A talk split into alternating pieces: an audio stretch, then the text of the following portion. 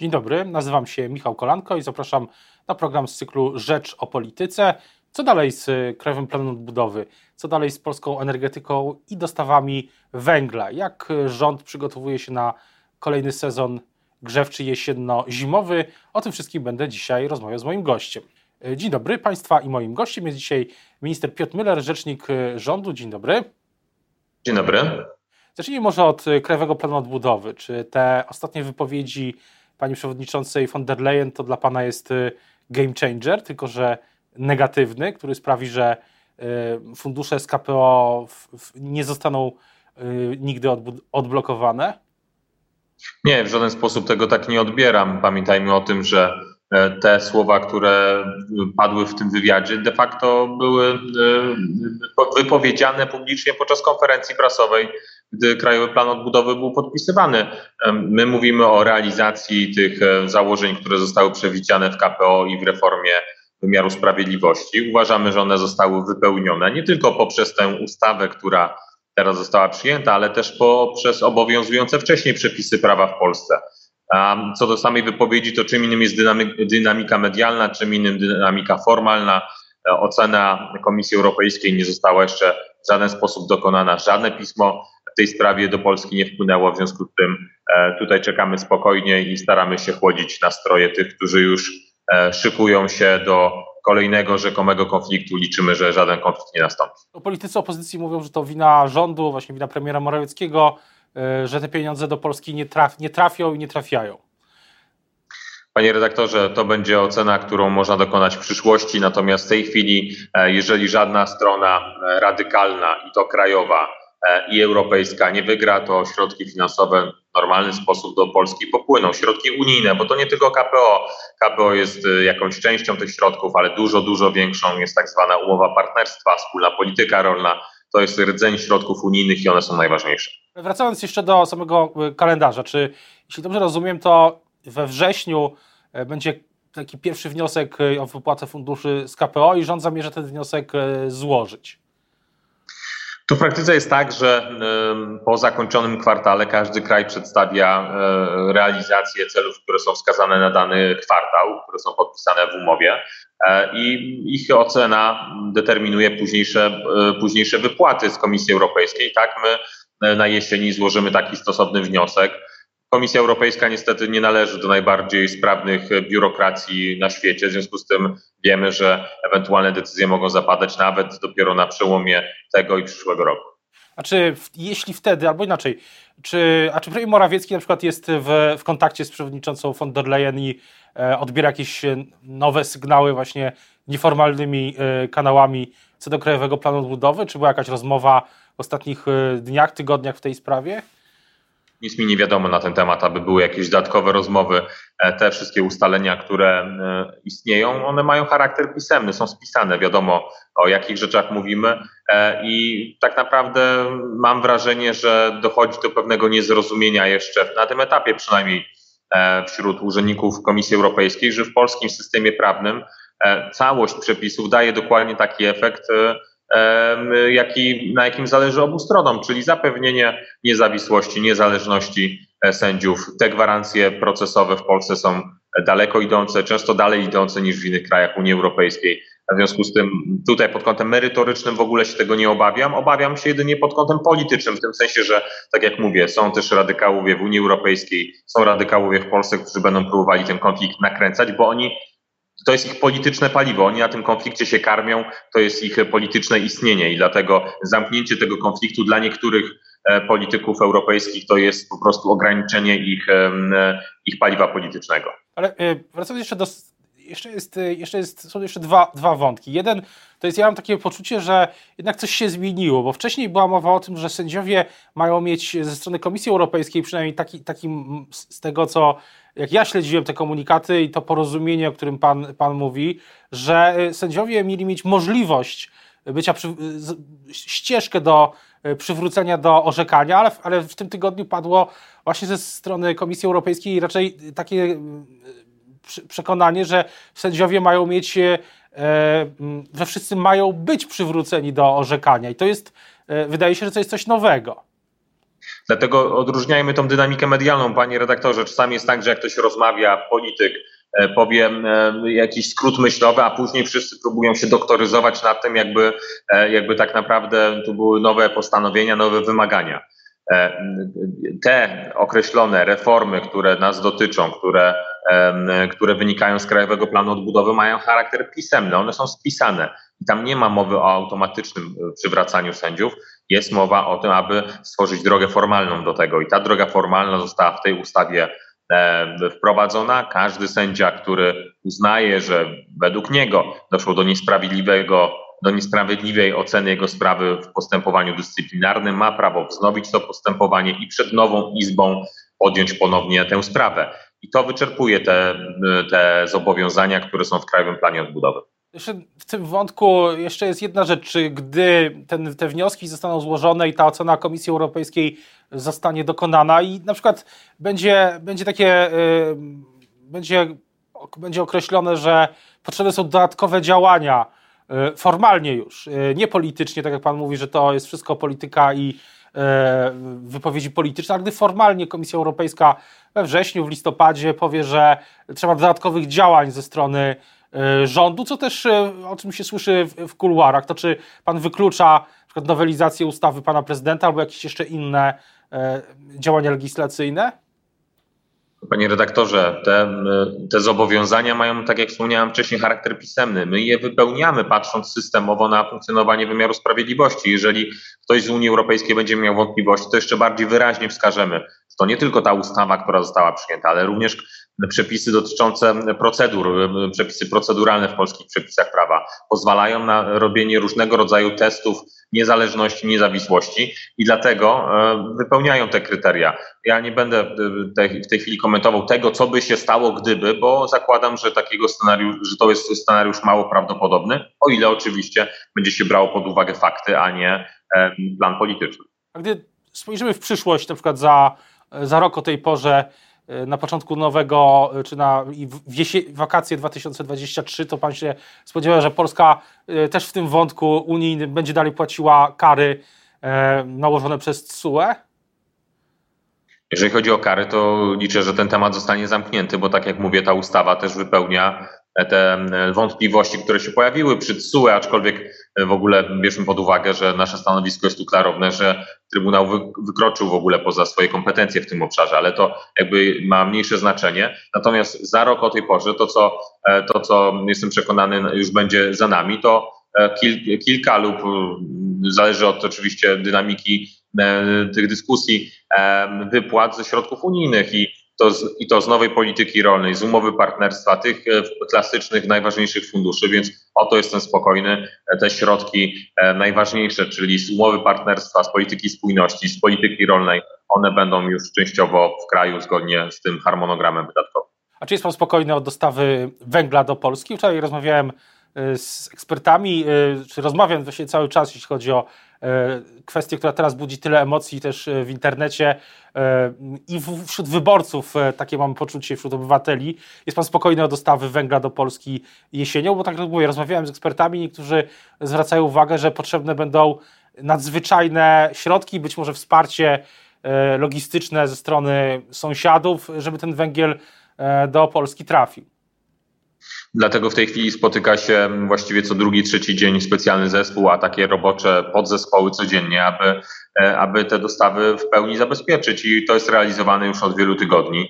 Zarówno kontraktacje, jak i dodatkowe, dodatkowe kontrakty, które są na bieżąco podpisywane, e, uruchamiane ciągi logistyczne po to, aby węgla w Polsce nie zabrakło. Zajmuje się tym zarówno Ministerstwo Aktywów Państwowych, Ministerstwo Klimatu, podległe e, tym resortom instytucje i spółki e, i to jest główne zadanie w tej chwili, a Ministerstwo Infrastruktury też zabezpiecza pod kątem logistycznym, zarówno portowym, jak i transportowym na terenie kraju.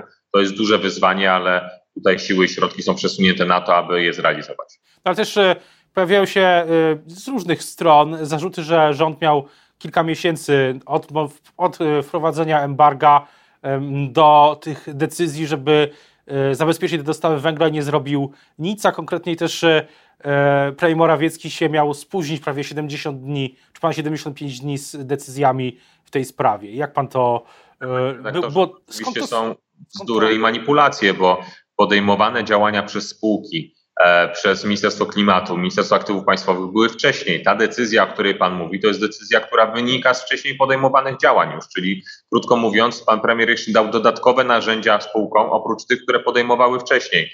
Więc dzisiaj opozycja, która, niech pan przypomni sobie, Donald Tusk, który nagrywał film z jadącymi wagonami węgla i mówił, że tu natychmiast trzeba wprowadzić embargo, tu natychmiast trzeba wprowadzić embargo. To są słowa Donalda Tuska, przecież to o, taki jest ich sens w każdym razie. W związku z tym dzisiaj te osoby, które mówią o tym, że w taki prosty sposób można zrealizować w tak szybkim, w tak szybkiej dynamice geopolitycznej e, pewne dostawy, to oczywiście są świetnymi teoretykami. Natomiast my realizujemy je w praktyce, to jest duże wyzwanie, trudne wyzwanie, ale je realizujemy i będziemy zabezpieczać e, interesy energetyczne Polaków. Czyli nie ma, nie ma pan poczucia, albo Morawiecki mają poczucia, że, że, że się spóźnili, bo można powiedzieć tak, że okej, okay, było e, embargo, ale dlaczego wtedy te zespoły kryzysowe, o których Pan mówi, nie zaczęły działać? Dlaczego wtedy nie myślano o przeładunku, mocach przeładunkowych, portach i tak dalej? Nie ma w przestrzeni medialnej, to znaczy, że się coś nie dzieje. Ja wiem, że to jest tak w mediach, zwykle tak bywa, że jak nie ma obrazka, stara dewiza no picture, no story, e, to się coś nie dzieje. Tak nie jest. E, w, tym czasie, gdy, e, czyli kwiecień, maj, gdy było już wprowadzane embargo, nasze podmioty kontraktowały, podejmowały działania, aby zabezpieczyć dostawy, a później pan premier jeszcze dodatkowo na podstawie wniosku ministra klimatu wydał dodatkowe decyzje zabezpieczające współfinansowanie tego procesu. Więc to jest po prostu stwierdzenie, które jest nadużyciem ze strony opozycji. Rząd miał analizy w chwili wprowadzania embarga. To była decyzja też e, Sejmu, tak? Rząd miał wtedy analizy. Mimo od tego, że decyzja o embargu jest decyzją ustawową, panie redaktorze, ustawową i motywowanym, motywowaną najważniejszą rzeczą w tamtej sytuacji, która się pojawiała. Czyli krótko mówiąc, e, Rosja miała gigantyczne dostawy, miała gigantyczny eksport węgla i innych surowców, e, takich jak gaz i ropa do Europy. Polska wtedy forsowała najdalej idące sankcje i jednocześnie była obwiniana, atakowana za to, że no skoro tacy jesteście do przodu, to sami pokażcie, że potraficie prowadzić te e, embargo e, ustawową, drogą ustawową. To samo mówiła opozycja, dajmy przykład, pokażmy, że Polska potrafi to zrobić bez przepisów unijnych, pomimo tego, że pamiętajmy o tym, że samo embargo, no powiedzmy sobie wprost, było wykroczeniem poza przepisy unijne, bo embargo powinna wprowadzać Unia jako całość, ale mimo wszystko się na to zdecydowaliśmy. To był bardzo ważny gest polityczny. A czym się... Tego, nie byłoby dalej idących sankcji. Panie ministrze, ale czymś innym jest e, wprowadzanie embarga jako, tak jak e, mówił to, wprowadzanie embarga e, a czymś innym jest przygotowanie mm, tego logistyki węgla i tak dalej. Trochę, trochę jest tak, że jest poczucie też w, z tych relacji w mediach, że rząd po prostu no, skoczył do wody, nie sprawdzając głębokości. Panie redaktorze, to nie jest prawdziwe stwierdzenie. E, tak jak wspomniałem też na początku, my mamy spółki energetyczne, spółki Skarbu Państwa, e, nadzorowane przez Ministerstwo Aktywów Państwowych i one właściwe działania podejmowały od razu po tym, jak się zaczęły wyzwania związane z, z embargiem.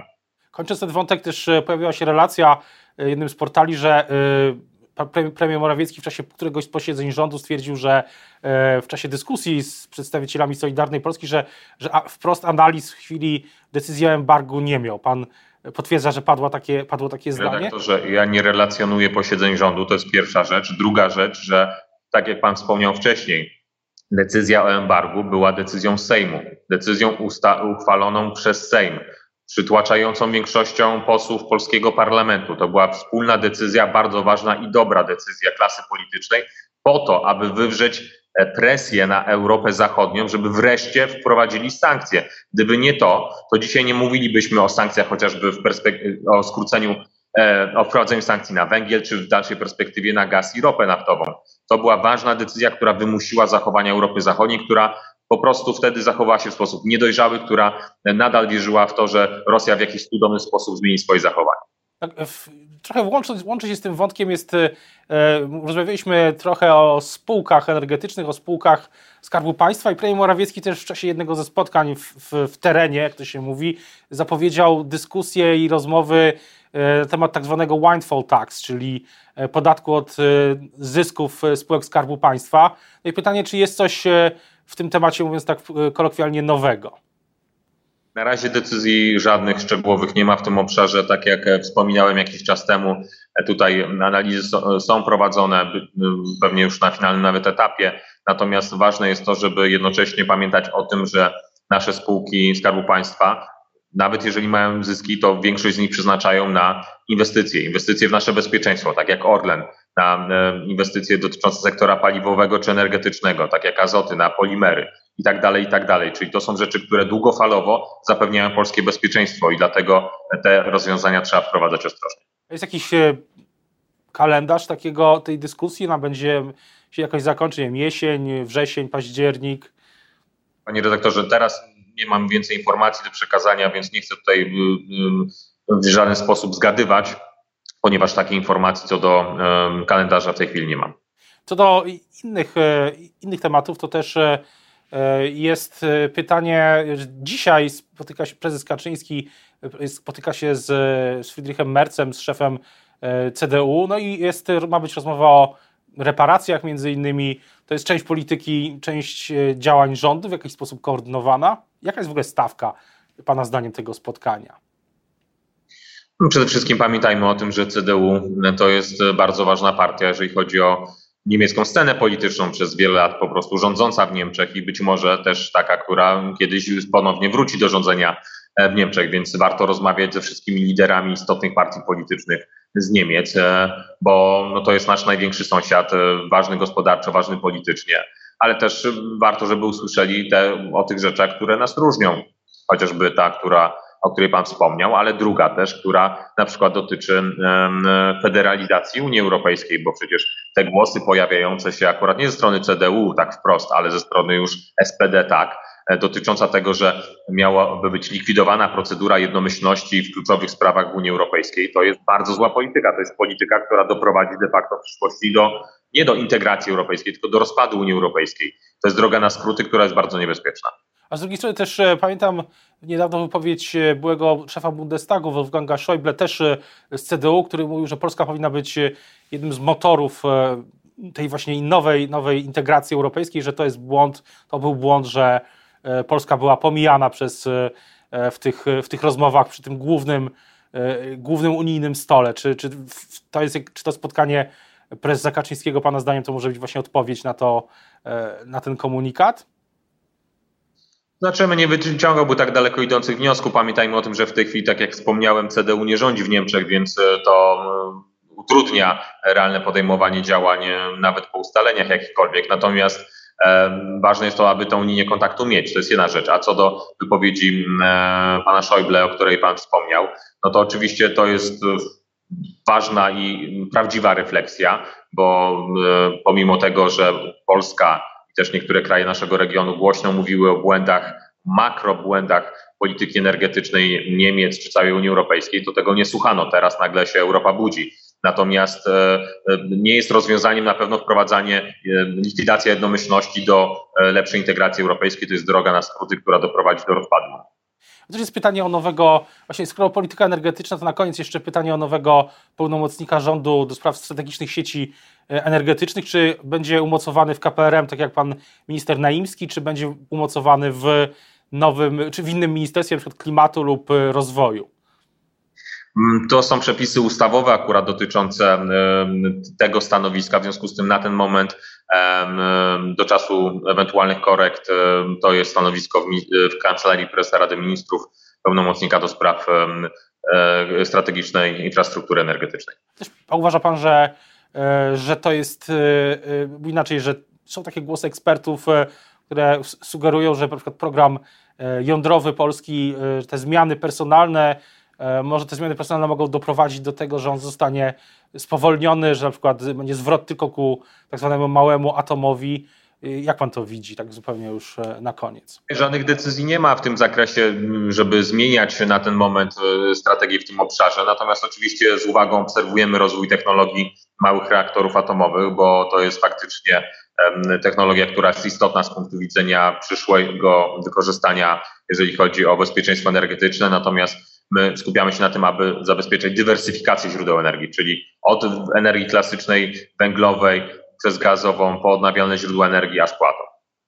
O tym energetyce myślę będziemy rozmawiać jeszcze wielokrotnie w rzecz o polityce, która polityka łączy się dzisiaj bezpośrednio z energetyką i z gospodarką. Teraz bardzo już dziękuję za rozmowę Państwa i moim gościem dzisiaj był minister Piotr Müller, rzecznik rządu. Dziękuję bardzo. Dziękuję bardzo.